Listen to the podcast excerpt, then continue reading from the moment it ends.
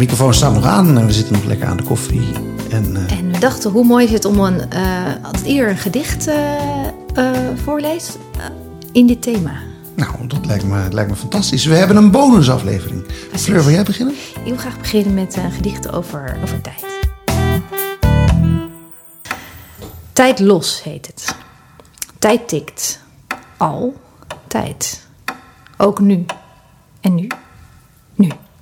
Waar ik naar uitkijk, waar ik tegenop zie, komt en gaat. Tijd tikt. Altijd. Dat maakt nu belangrijk en onbelangrijk tegelijkertijd. Ja, Leuk. Dat heb ik ooit een Nou. keer geschreven. te tijdens schrijven, deze podcast. Dat vond ik leuk. Nou, mag ik jou... eh, Ja, grappig jou, dat eh, hij nu en nu en nu inderdaad, dat het niet ophoudt. Ja, precies. Ik vind ook zo grappig dat je dus eh, in de muziek dan heb je dus tijd nodig hè, om het te kunnen ervaren. Ja, Zonder tijd geen muziek. En dat geldt eigenlijk voor alles waar een verhaal in zit, een, een- boek of een film, maar dus ook voor muziek. En eh, ik gebruik nu bij eh, de, de zogenaamde luistersessies van mijzelf, als het dan gaat over ritme, daar zitten dan wijze lessen in. Ja, om een ritme, dat is een patroon in de tijd. En dan heb je dus de tijd nodig om dat te kunnen horen. Maar je hebt dus sowieso om te luisteren tijd nodig. Dus eh, om een betere luisteraar te worden, als je dat zou willen, is één van die stappen in die, in die mini-cursus luisteren. eh, met lessen uit de muziek, is neem de tijd, want het kost tijd. En als je dat doet, dan krijg je dus betere gesprekken.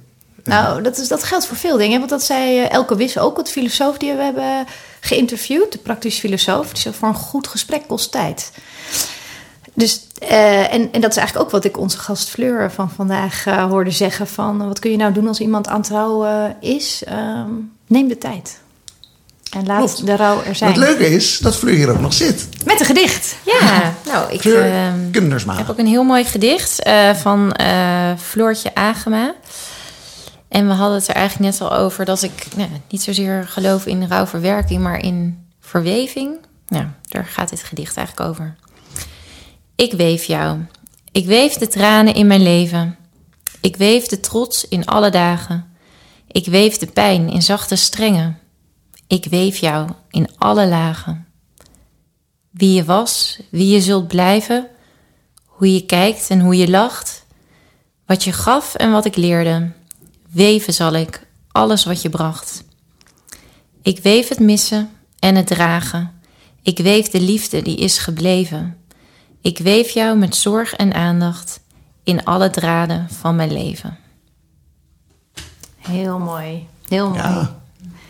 Ja, want eigenlijk leeft iemand door dat weven ook een soort van beetje voort dan, hè? Ja, zeker. Heb je deze ook wel eens eh, in een, eh, bij een, bij een eh, uitvaart voorbij horen komen? Nou, niet bij een uitvaart. Ik heb wel de, de schrijfster. Ik heb wel van haar ook een, ehm, een dag, een cursusdag gehad.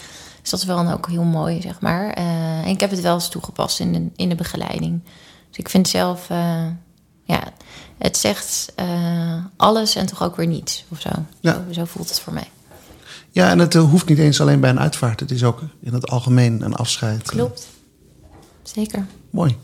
Ja, ik heb er ook één eh, klaarstaan. Niet zozeer over eh, het thema de dood, maar wel over het thema de tijd. En eh, wat wel leuk is van deze, is dat die opgestuurd is door een luisteraar.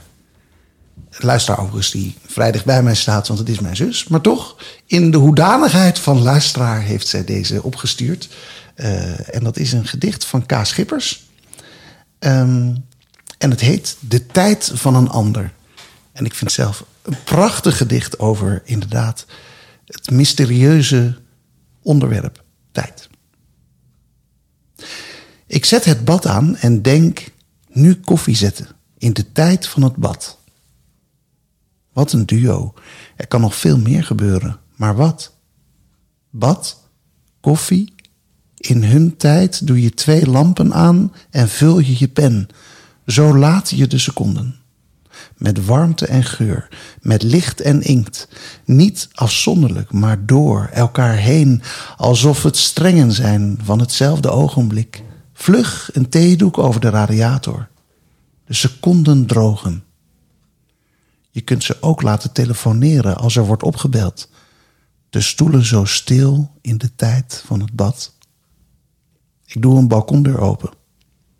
De lucht stroomt naar binnen. Toast er een boterham bij. De geur, het licht, de inkt, de droogte, de buitenlucht jongleer ik met al die bordjes in de tijd van iets anders. O, houd me bij, diep focus, het wordt nu kiele kiele. Het water, de geur en erachter de toast, de wolken, stromende seconden, de hemel en het heelal. Mooi. Je hebt hem al een paar keer eerder voorgelezen, maar ik hoorde hem nu pas echt. Dat vind ik ook zo gek. Kun je soms dingen pas goed horen als je het iets voor een derde keer hoort? Of luister ik nu anders dan voordat we dit gesprek begonnen, omdat ik toen meer met het gesprek bezig was? Dat kwam. Dat kan ook. Het kan ook dat ik hem steeds iets beter voorlees. Dus ook om een vierde of vijfde keer dat je nog beter de inhoud uh, oppakt. Ja, wat ik vind altijd lastig met uh, hoe je dat dan leest. In dit uh, gedicht zijn steeds strofes van drie. Alleen de zinnen lopen door, waardoor er dus een bepaald ritme in zit. Dat je al een eerste woord hebt, wat vervolgens in de volgende strofe. Dat gebeurt eigenlijk continu. en hoe je dat dan leest, vind ik altijd lastig. ik vind het makkelijker dan om het voor mezelf te lezen en te volgen dan om het voor te lezen. Maar ik vind het in ieder geval wel heel mooi om mee, mee af te sluiten. En uh, nou ja, ik ga zelf uh, zeker, is het het, ga ik bezig blijven met het, uh, met het thema tijd. En nou, het zou leuk zijn als de luisteraars dat ook, ook doen. Blijf ons vooral ook, als je iets moois vindt, dat naar ons opsturen of op Facebook delen. Vinden we leuk. Zeker. En uh, dankjewel, dankjewel Fleur Yes. Kundersma voor jouw extra tijd nog in ja. deze bonusaflevering.